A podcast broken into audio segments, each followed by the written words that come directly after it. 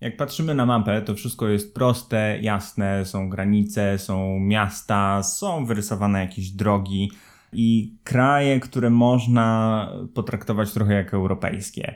Można sobie wyszukać lot do kraju A albo do kraju B, można poczytać o historii kraju C, jakąś notkę w Wikipedii.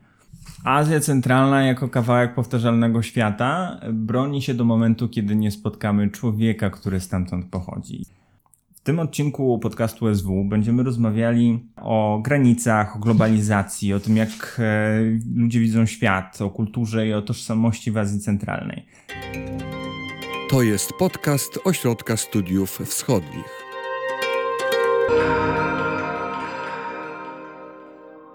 Przed mikrofonem Hubert Różyk i dr Mariusz Marszewski. Dzień dobry. Dzień dobry, bardzo miło. Zespół Turcji, Kaukazu i Azji Centralnej OSW. Zapraszamy na podróż po Stanach Świadomości w Azji Centralnej. No, stany świadomości w Stanach. Jak wiemy, każdy z krajów Azji Centralnej ma przystawkę e, stan, która jest po prostu perskim słowem oznaczającym kraj na przykład e, innej, żeby też wyjść trochę z Azji Centralnej, Dagestan to po prostu kraj gór. Dach to jest góra, a stan to jest kraj.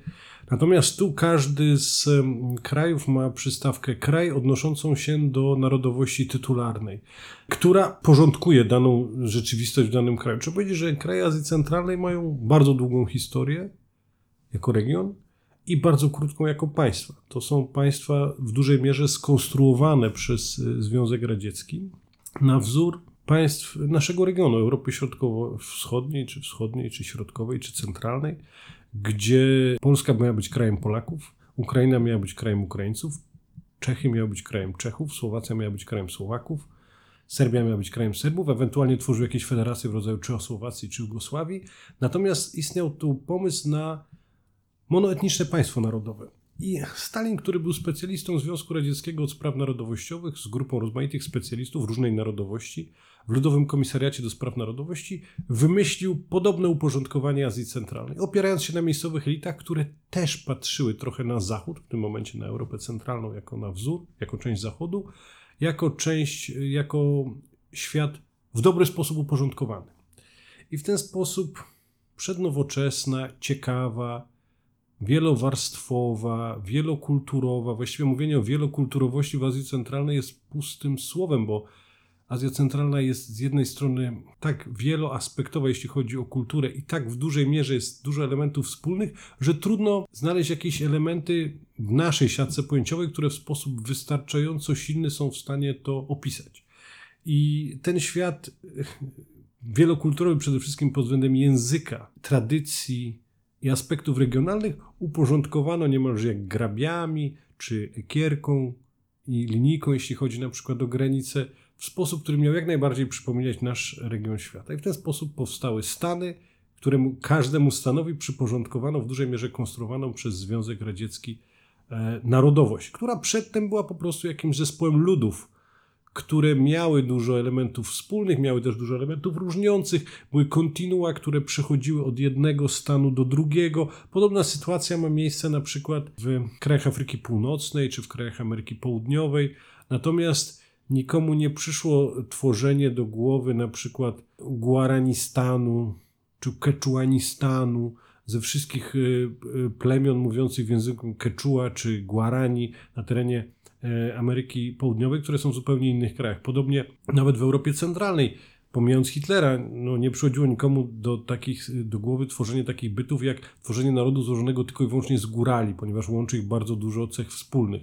Hitler miał pomysł na Goralen Folk, natomiast w Azji Centralnej e, Stalin, e, różne jego, jego mm, biuro zebrane pod jego kierunkiem, tudzież miejscowe elity, uporządkowały świat zgodnie z tymi zasadami narodowościowo-ludowymi. I niemalże jak jacyś szaleni etnografowie czy antropolodzy kulturowi, którzy są tak bardzo mocno przejęci ideą, e, ideą porządkowania świata według zasad specyficznie rozumianych ludo, ludoznawczo zasad narodowościowych. Podobnie jest tak, jeżeli w krajach Afryki Północnej na przykład stworzono by osobny naród z Beduinów, czy na Bliskim Wschodzie, czy na Środkowym Wschodzie, osobne narody z koczowników, a osobne narody z ludności osiadłych. Byłoby to na tej samej zasadzie, gdyby w Europie Centralnej stworzono osobny naród z mieszkańców różnych gór karpackich, no, którzy byli w łączności z dolinami i z różnymi krajami typu Polska, Czechy, Słowacja, Węgry.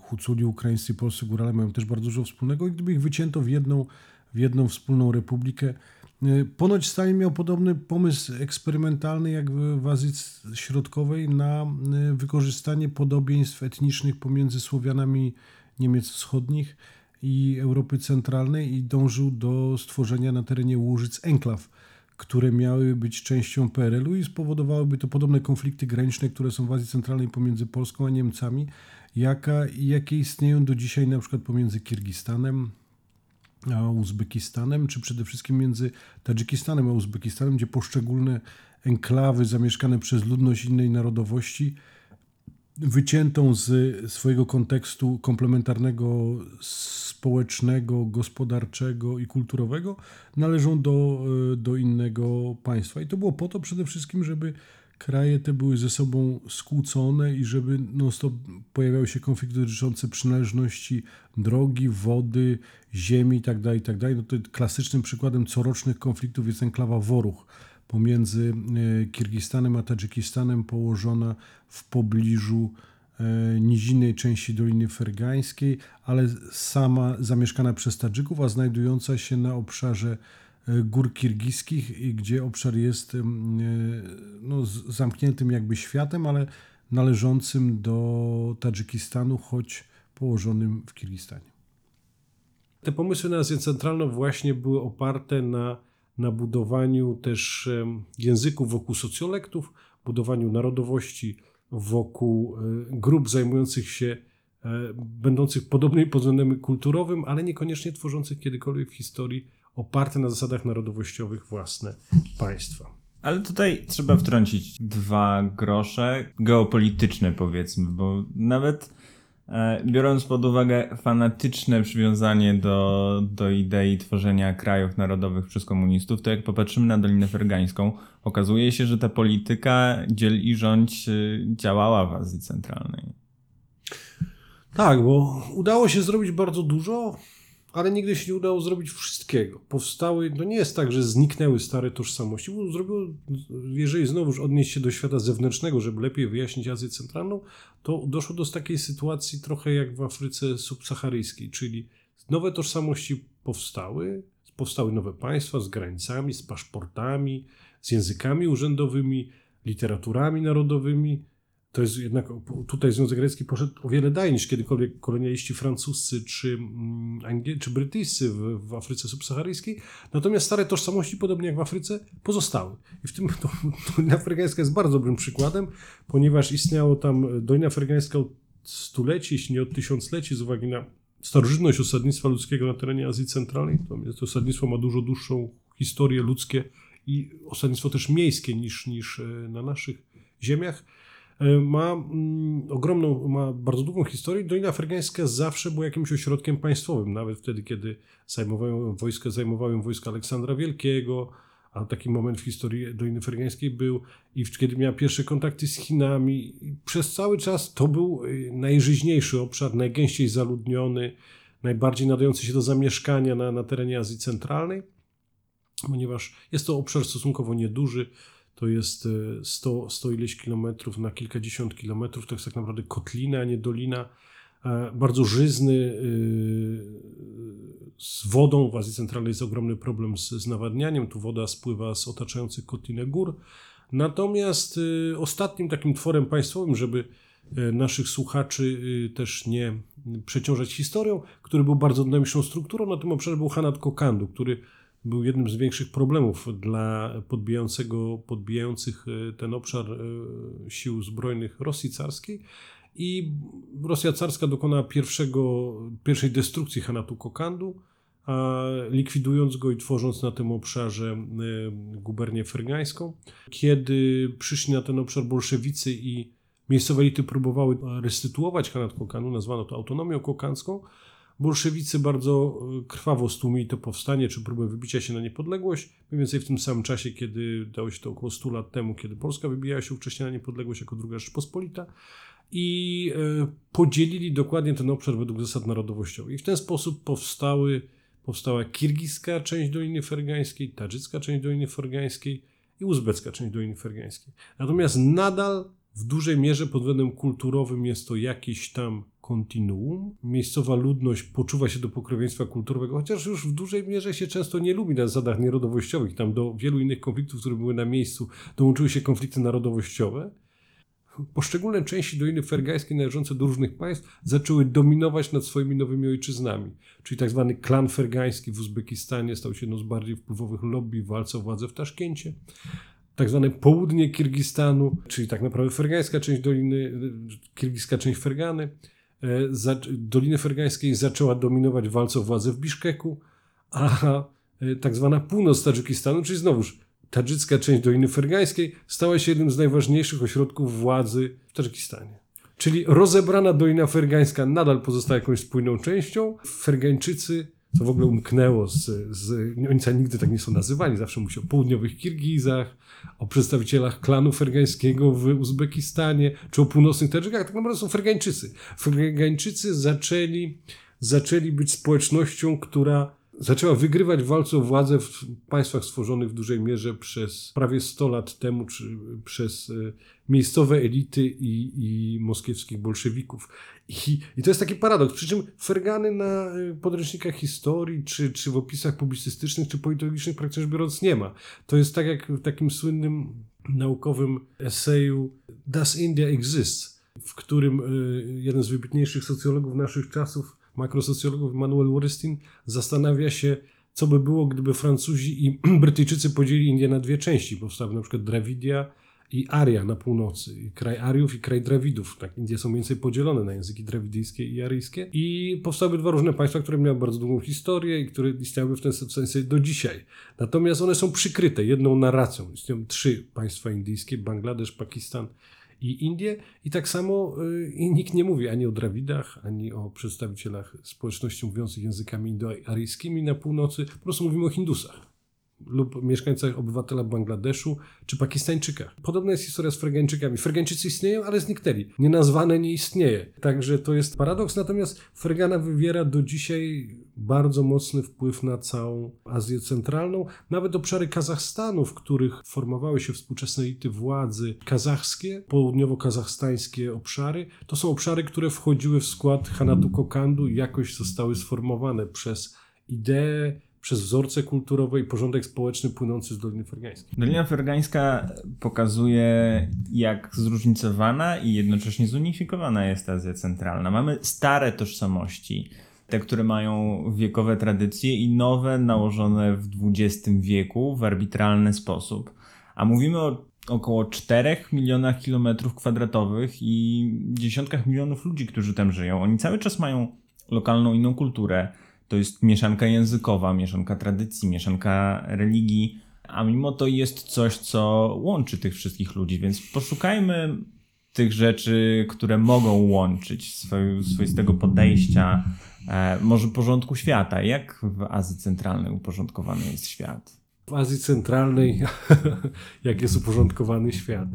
W Azji Centralnej najważniejsza jest hierarchia. Hierarchia, władza, podporządkowanie się władzy, pod względem szacunku wobec władzy, podporządkowania się władzy, uważania porządku społecznego, który przez Polaków, zwłaszcza przez naszych rodaków w naszej ojczyźnie, postrzegany jest jako despotyczny, brutalny, autorytarny, a przez mieszkańców Azji Centralnej jako normalny i dany od Boga, to ym, sytuuje bardziej Azję Centralną może we wschodnioazjatyckim kręgu kulturowym niż w muzułmańskim, do którego jest zaliczana, ponieważ no Azja Centralna to w dużej mierze kulturowe peryferie, czy też część kulturowa w jakiejś mierze Azji Wschodniej i wzorce funkcjonowania obywateli przypominają raczej wzorce poddanych wobec Syna Nieba znanych z Chin, Japonii, Korei, Wietnamu. To jest to, co też bardzo mocno odróżnia Azję Centralną od Kaukazu, co często z naszej perspektywy jest trudne do zauważenia, ponieważ Kaukazczycy przypominają bardziej pod względem swojej kultury szlachtę polską XVI-XVII wieku, gdzie elementem negocjacji z władzą jest zbrojny rokosz, gdzie taka władza jest najlepsza, która jak najmniej reguluje życie swoich obywateli czy swoich poddanych, gdzie wolność i pewien indywidualizm ludzi którzy wolnie, ale konno-zbrojno na zasadzie partnerskiej się organizują wobec tego, który jest primus inter pares, to jest wzorzec kultury Kaukaszczyków. Natomiast z uwagi na to, że oba te obszary zostały podbite przez Rosję i oba te obszary zaczęły znajdować się w relacji z metropolią i Kaukaszczycy i centralni Azjaci zaczęli spotykać się na tych samych ulicach rosyjskich miast i zaczęli być tak postrzegani przez, i przez zachodniego badacza, i przez naszych rodaków, i przez Rosjan, to gdzie chodzi gdzieś do stopu, że jedni i drudzy są muzułmanami, jedni i drudzy przynajmniej w części mają ciemniejszą skórę i na zasadzie takich jakichś prostych klisze rasowo-religijnych, oni są wrzucani do jednego kotła. Natomiast dla mnie to jest moje osobiste doświadczenie sprzed e, już kilkudziesięciu lat z pierwszych pobytu w Azji Centralnej. Było niesamowite, że ludzie w Azji Centralnej postrzegają Kaukaszczyków jako obcych kulturowo, ponieważ są to ludzie, którzy nie szanują władzy, którzy robią problemy, którzy rozstrzygają konflikty, które e, mieszkaniec Azji Centralnej będzie e, rozstrzygał za pomocą sprytu, chytrości, negocjacji, mediacji. Oni rozstrzygają za pomocą przemocy, za pomocą konfrontacji, bo są wojownikami. O ile bohaterowie Kaukazu, tacy ludzie jak Imam Szamil, bohater Dagestanu, czy Bajsangur Bienojewski, jeden z przedstawicieli mm, ludzi walczących po stronie Szamila, który walczył nawet po tym, jak Szamil się poddał, jest ważnym bohaterem Czeczenów, czyli taki bohater to jest ten, który najlepiej, żeby zginął, tak jak na przykład inny bohater Dagestanu Gazi Muhammad. To w Azji Centralnej takim ważnym bohaterem jest Hodża Nasreddin, osoba, która dogaduje się z władzą, oszukuje bogatych, rozdaje biednych, ale nie jest żadnym Robin Hoodem jest taką postacią, którą określili, którą był może jacyś bohaterowie bajek czy legend polskich, czy klecht w rodzaju Szewczyka Dratewki. Nie będzie walczył ze smokiem, ale doprowadzi do tego, że smok pęknie otruty, czy wybuchnie i oszuka i króla, i rycerzy, i smoka, i jeszcze dostanie rękę najpiękniejszej księżniczki jako nagrodę. I to jest raczej wariant funkcjonowania centralnych Azjatów w świecie. Pokora wobec władzy, szacunek, posłuszeństwo, ale też spryt, chytrość, kupiectwo, umiejętność załatwiania interesów, handel. I to jest element, który rozprzestrzenia się na cały ten obszar. Oprócz tego bardzo ważnym elementem jest gościnność i więzy rodzinne i w ogóle dbanie o więzy społeczne. Dla e, ludzi w Azji Centralnej szokujące jest w ogóle brak szacunku dla rodziców, brak podtrzymywania więzi z rodzeństwem czy kuzynostwem. W Azji Centralnej nie istnieje pojęcie kuzynów, tylko braci. To są bracia, i siostry, bracia i siostry, dopiero się okazuje, że są kuzyni czwartego stopnia, piątego stopnia. Normalny człowiek e, w naszym wieku funkcjonuje w relacji z dziesiątkami kuzynów i kuzynek, którzy są dla niego bliskimi krewnymi, na których może liczyć, z którymi wymienia się przysługami, z którymi załatwia interesy, którzy do niego dzwonią, on dzwoni, posługują się WhatsAppem, Viberem, Facebookiem i całą, sieć, całą siecią innych sieci mhm. społecznościowych na różnych kontynentach, w różnych państwach. E, a kiedyś to wszystko załatwiano na poziomie wioski czy lokalnej społeczności, a teraz, ponieważ jak McLachlan pięknie napisał, jest to wioska globalna, no to ona to najbardziej się sprawdza w Azji Centralnej, czyli myślenie w kategoriach lokalnych i rozciągnięte zostało na cały glob, ponieważ teraz te rzesze krewnych, traktowanych jako krewni bardzo bliskiego stopnia, a w Polsce to są ludzie, o których nie słyszeliśmy, jeśli przenieść nasze kategorie na kategorię Azji Centralnej, to te rzesze ludzi, one się kontaktują wzajemnie i dalej sobie pomagają i dalej są w tych samych wioskowych, głębokich i mocnych relacjach społecznych, tylko już rozciągniętych już na cały glob. Można mówić, że to jest wspólnotowe ja i rodzina jest na pierwszym miejscu, jeśli myśli się o świecie? Oczywiście. Trzeba podkreślić, że kiedy robiono badania nad y, mieszkańcami Chin, nie słyszałem o takich badaniach nad, nad y, centralnymi Azjatami, ale myślę, że one wyszłyby podobnie. To jest moje osobiste doświadczenie z mieszkańcami Azji Wschodniej, Azji Centralnej, to okazało się, że są problemy z nakreśleniem granic własnego ja w relacji z rodziną. Okazało się, że w relacji z rodziną ja jest kolektywne. Jeżeli w ogóle można mówić o kolektywizmie, jeśli nie ma granic własnego ja. No, kolektyw zakłada, że to jest zespół różnych ja, a tu okazuje się, że ja, moi krewni to jedno. Przy czym jakby ten łańcuch rozciąga się na tych, którzy jeszcze się nie urodzili i tych, którzy się już urodzili. W Chinach to też było bardzo widoczne, stąd też często brutalność reżimów, ponieważ w Chinach, podobnie było też w Azji Centralnej, za zdradę jednostki, za przewinę jednostki karano często cały ród to było pięć pokoleń, ponieważ pokolenie jest krótkie. Dzieci to są ciągle konflikty rządów środkowoazjatyckich z własnymi społeczeństwami rządów, które są też karmione radami zachodnich doradców, dla których e, przyrost naturalny w Azji Centralnej, z czym ja nie do końca się zgadzam, bo jednak największym skarbem Azji Centralnej są ludzie. Jest jednym z ważniejszych wrogów tamtych społeczeństw. Cały czas podwyższa się wiek małżeństwa. Natomiast w Azji Centralnej no, każda rodzina dąży do obniżenia wieku małżeństwa, żeby już jak najszybciej były dzieci, żeby jak najszybciej były wnuki. W tym momencie w Chinach czy w Azji Centralnej historycznie, teraz oczywiście to się zmienia, karano pięć pokoleń danego rodu, ponieważ nie było rzeczą specjalnie zadziwiającą, że za jed życia jednego człowieka ród liczył pięć pokoleń. Nieżyjący już mój mistrz profesor Zapaśnik, który umarł w wieku 70 kilku lat, podkreślał, że miał 60 kilka lat i spotkał swojego rówieśnika, który z dumą podkreślił, że ma 250 potomków. Natomiast... Robi y, wrażenie. Robi to wrażenie, oczywiście jest to sprawa przesadzona, bo przyrost naturalny w Azji Centralnej spada dramatycznie. Wzorce kulturowe z krajów, tylko bardzo późno jakby to zawsze dochodzi do, do świadomości społecznej, wzorce y, kulturowe z krajów y, o, o niskim przyroście zdobywają coraz większe, to nie jest tak, że Azja Centralna się nie zmienia, zdobywają coraz większy posłów w społeczeństwach. Wielokrotnie rozmawiałem z ludźmi, którzy są już w wieku takim, że powinni mieć wnuki, jeszcze nie założyli rodziny zgodnie z kategoriami kultury środkowoazjatyckiej.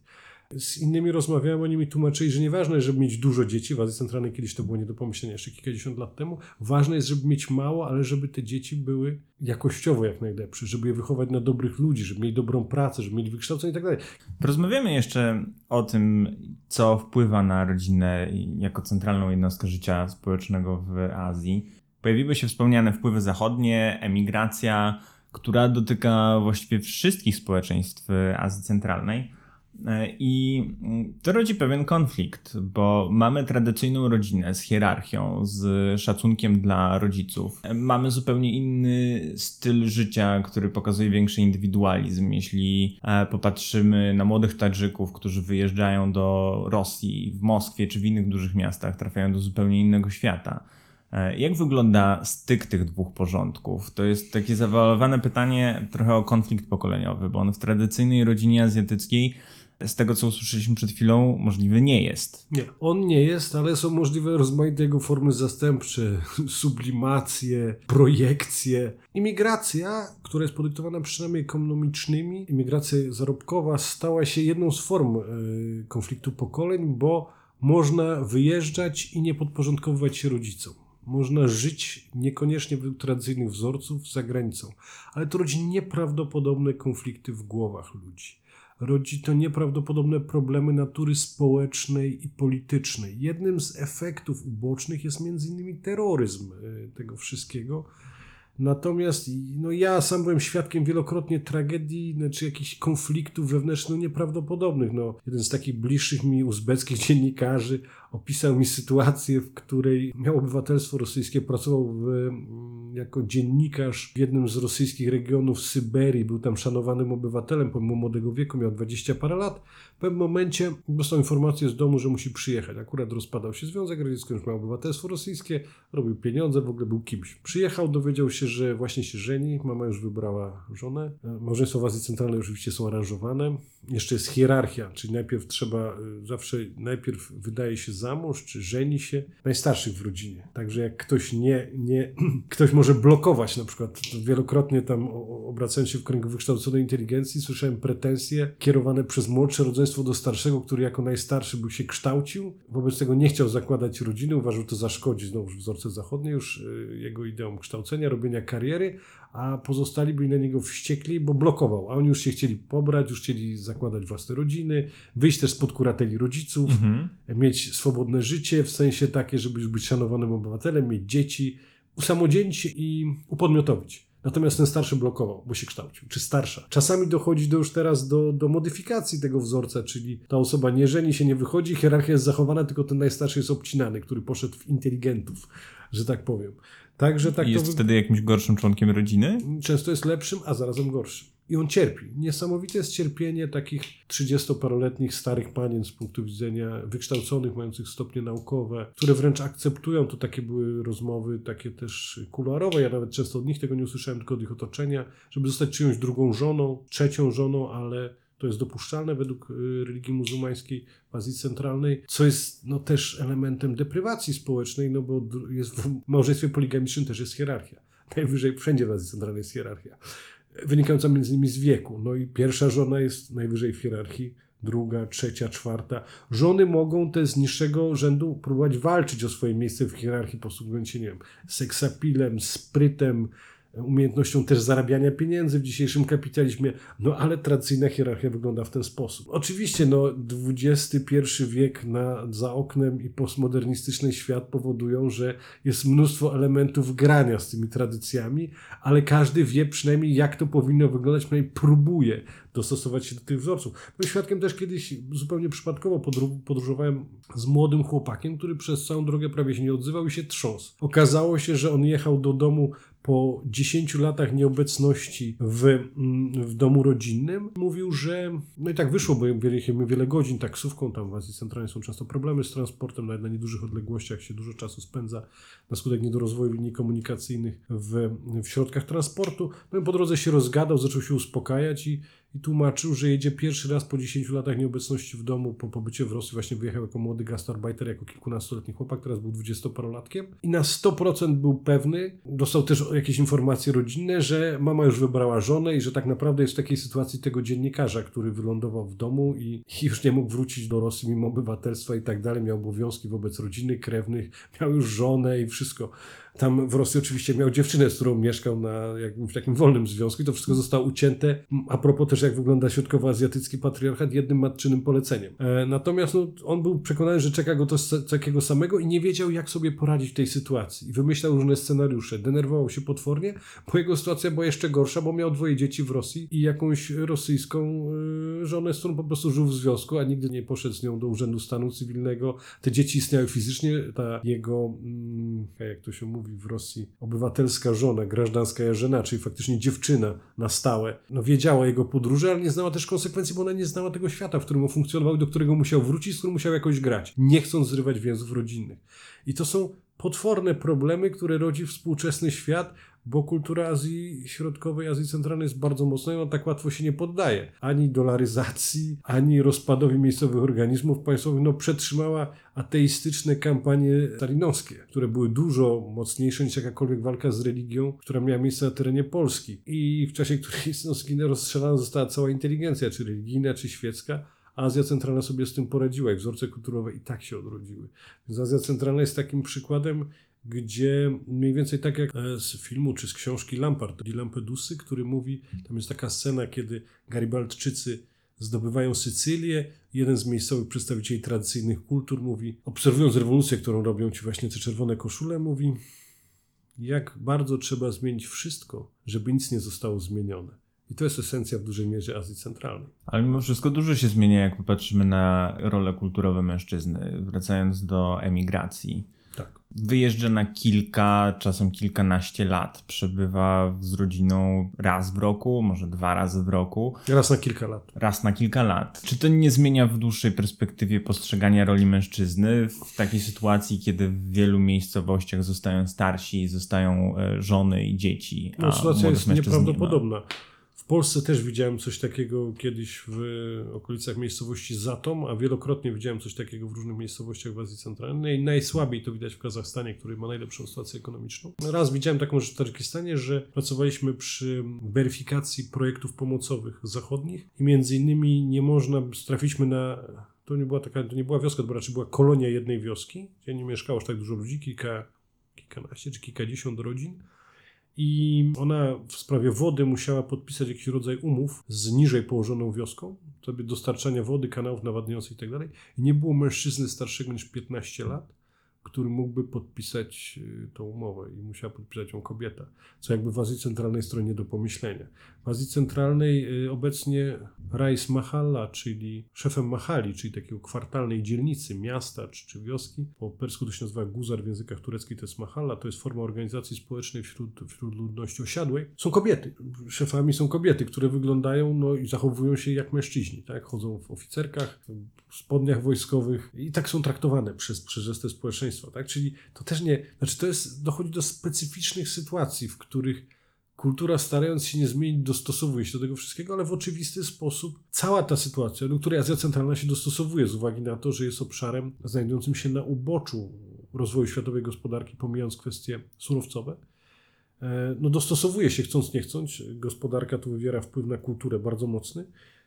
No ale cała sytuacja jest patologiczna z punktu widzenia tych wzorców kulturowych, które w Azji Centralnej były od tysiącleci. Są starsze niż, niż religie, które są w Azji Centralnej obecnie. Religią dominującą jest islam. No, żeby pokazać, jak wygląda islam w Azji Centralnej, to Kiedyś z nieżyjącym już pracownikiem naszego ośrodka, Marcelem Zygałą, oglądaliśmy meczety w Uzbekistanie i Marcel był osobą, która zwiedziła kawał świata. Był w Afryce, był w Azji Wschodniej, widział, był na wielu obszarach muzułmańskich, na Bliskim Środkowym Wschodzie i był nauczony tego, że w meczetach są miejsca dla kobiet. I kiedy oglądaliśmy z Marcelem meczety w Uzbekistanie, to on ciągle pytał, gdzie te kobiety mogą się modlić. No i to było trochę szokujące dla miejscowej ludności, która wiedziała, że nie powinno się podkreślać tych genderowych podziałów, bo one są postrzegane przez zachodniego turystę jako element zacofania, a przez miejscowych jako e, naturalny porządek społeczny.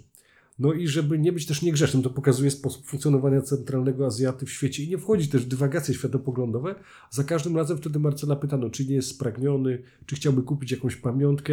Nigdy nie odpowiadając na to pytanie. Ja tak za N tym razem, bo ja myślałem, że on po prostu sonduje Marcel tą sytuację Zapytałem go, czy on zdaje sobie sprawę, że w Azji Centralnej za bardzo kobiety nie modlą się w meczetach, że meczety budowane przez misjonarzy z Bliskiego Wschodu czy z Indii to są meczety, które uwzględniają miejsce dla kobiet, a ci wszyscy ludzie mu tak, a on mówi, ale ja byłem w, Azji, w Afryce, tam są miejsca dla kobiet, w Syrii są. A mówię, no tak, ale nie tutaj. Tutaj y, w 2003 bodajże roku Rada Uczonych Muzułmańskich Tadżykistanu wyda oficjalny zakaz dotyczący kwestii dysput religijnych z, z kobietami, czy wchodzenia kobiet do meczetów i modlenia się itd., tak itd. Tak I to pokazuje specyfikę porządku, w którym te wzorce kulturowe teraz mają odtwarzać kobiety. Bo mężczyzn często braknie, oni żyją w Rosji e, lub gdzie indziej, w południowej Korei, w Turcji, pracują, zakładają tam rodziny paralelne, nie informując o tym często nawet e, w domu. Ta historia, e, którą opisałem, to jest tylko bardziej lightowa wersja mhm. tego, co może się zdarzyć.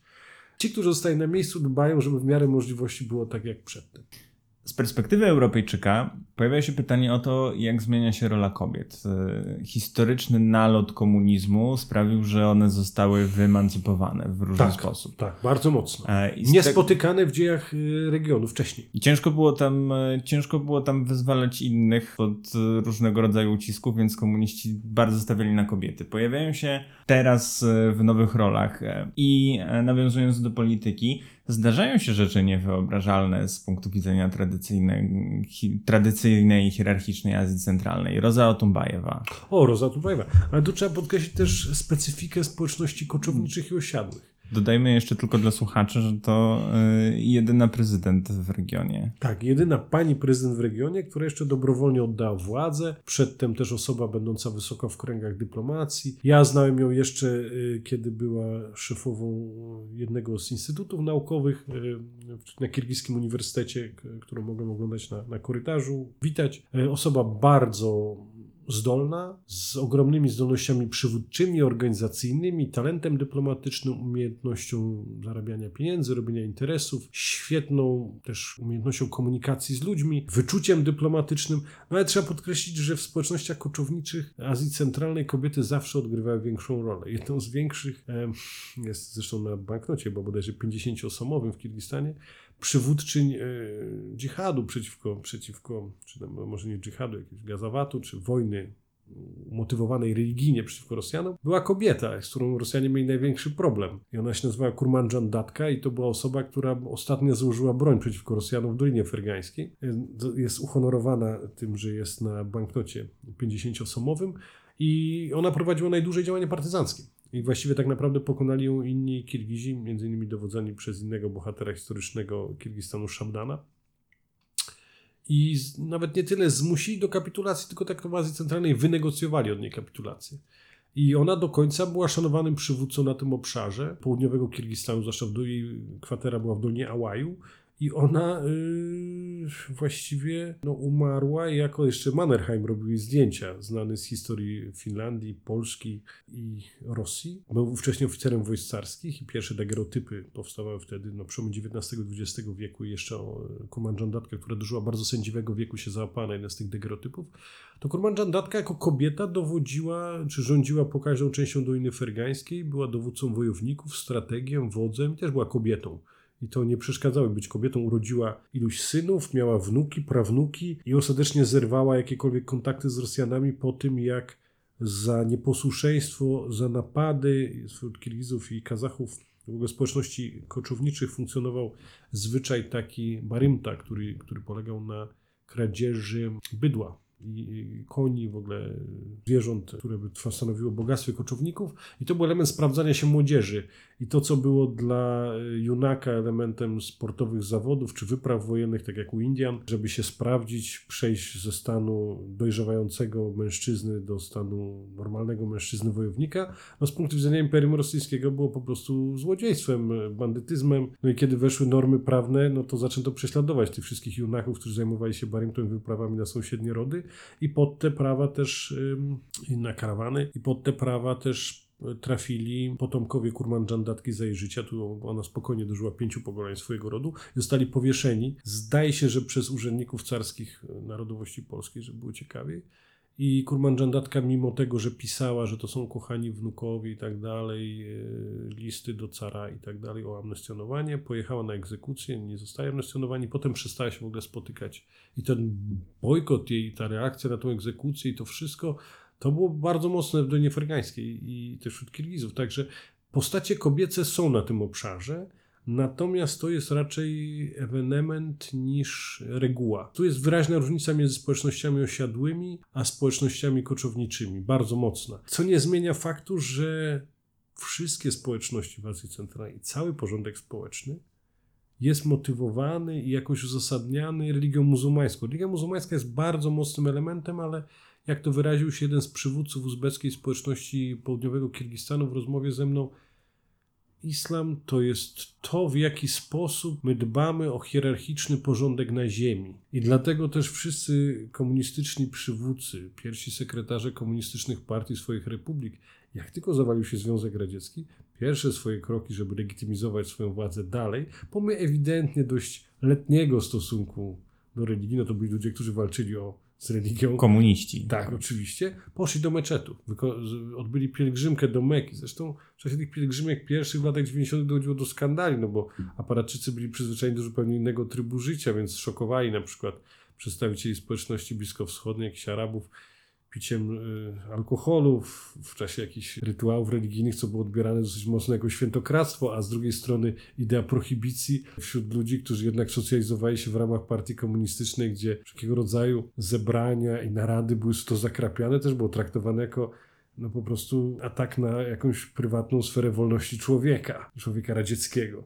Także no, to bardzo mocno widać. Natomiast kiedy Azja Centralna, i tu jest ogromny konflikt, który rozdziela Azję Centralną dużo bardziej niż y, wyjazdy gastarbajterów, niż relacje ze światem zewnętrznym, to jest konflikt pomiędzy porządkiem radzieckim, postradzieckim, który bardzo mocno wrósł w miejscowe społeczności, a tym, co przyniosł ze sobą rozpad Związku Radzieckiego, powrót gospodarki kapitalistycznej na te obszary, czy wolnorynkowej i próby przedrewolucyjnych elit powrotu na dawne miejsce. Walka między tym, co zbudowali komuniści, i walka między tym, co się rozpadło po tym, co zbudowali komuniści. I walka z tym, co zbudowali komuniści przed to, co było przed komunistami, to są konflikty, które bardzo mocno napędzają rozwój i wszelkiego rodzaju elementy, które prowadzą do destrukcji jakichś takich elementów obserwowanych z przerażeniem przez zachodnich obserwatorów na terenie Azji Centralnej, dużo bardziej niż cokolwiek innego. Islam jest tutaj jednym z ważnych czynników. Islam jest jednym z ważnych czynników, ponieważ islam przez elity rządzące postkomunistyczne był traktowany na początku i do dzisiaj, bo oni próbują do tego wrócić, jako po prostu zwykły element legitymizacji władzy. To, co załatwiało no, zamiast politruka imam, zamiast y, wyjazdów do Moskwy, pielgrzymka do Mekki, pielgrzym, no nie wiem, no, no, traktowano to po prostu jako mechaniczne legitymizację władzy, którą w prosty sposób można sakralizować. Ale... To jest jedna z wielu ważnych różnic. Jak popatrzymy sobie na przywołany islam na Półwyspie Arabskim i islam w Azji Centralnej, to to są dwa różne światy. Tak, no nie tylko, no. Właściwie pojawia się pytanie, czy można mówić w ogóle o jednej cywilizacji islamu, no bo między Marokiem a Indonezją, czy między Kamerunem a Tatarstanem są różnice diametralne, natomiast to wszystko jest traktowane w tym huntingtonowskim świecie, post-huntingtonowskim jako jedna cywilizacja islamu, ale na terenie Azji Centralnej bardzo mocno to widać, bo sposób pojmowania religii w Azji Centralnej w różnych miejscach różni się bardzo i różnił się od tego, y, jak było pojmowane w, na Bliskim Wschodzie. I religijność sposób pojmowania do dzisiaj w Azji Centralnej ludzie są zszokowani na przykład, że Arabowie tak słabo szanują ludzi starszych. Z punktu widzenia Arabowie są bardzo rodzinni, bardzo szanują ludzi starszych. To jest moje doświadczenie. I też tak mówi literatura naukowa. Natomiast z punktu widzenia Azji Centralnej coś nie jest nieporozumienie, jak to jest słabe, co pokazuje, jak to jest mocne w Azji Centralnej. Poza tym e, Azja Środkowa, pomijając wyspy szyizmu, ma własną szkołę w różnych wariantach. Ten szyizm występuje w Azji Centralnej, ale jest raczej mniejszościowym wyznaniem, ale ma własną szkołę prawa e, muzułmańskiego, czy też właśnie ryt islamu. To jest szkoła hanaficka i ona na tyle różni się od y, tego, co jest y, w Azji, co jest na Półwyspie Arabskim. Oczywiście to nie są jakieś diametralne różnice, ale dla Azji Centralnej mają ogromne, ogromne znaczenie i żeby, żeby pokazać to jakoś jak w soczewce to zobrazować, to dam przykład taki, że w jednej z książek o tych arabskich ochotnikach, terrorystach, którzy przyszli na pomoc Afganistanowi okupowanemu przez Związek Radziecki, którzy później zostali nazwani Al-Kaidą, jest opis tego, jak Osama Bin Laden i inni przywódcy arabscy nakazywali przybyszom z y, krajów arabskich, którzy mieli ramię w ramię walczyć z Afgańczykami przeciwko afgańskim komunistom, którzy też byli muzułmanami, też się modlili, bo to był Afganistan, mhm. i przeciwko wojskom radzieckim,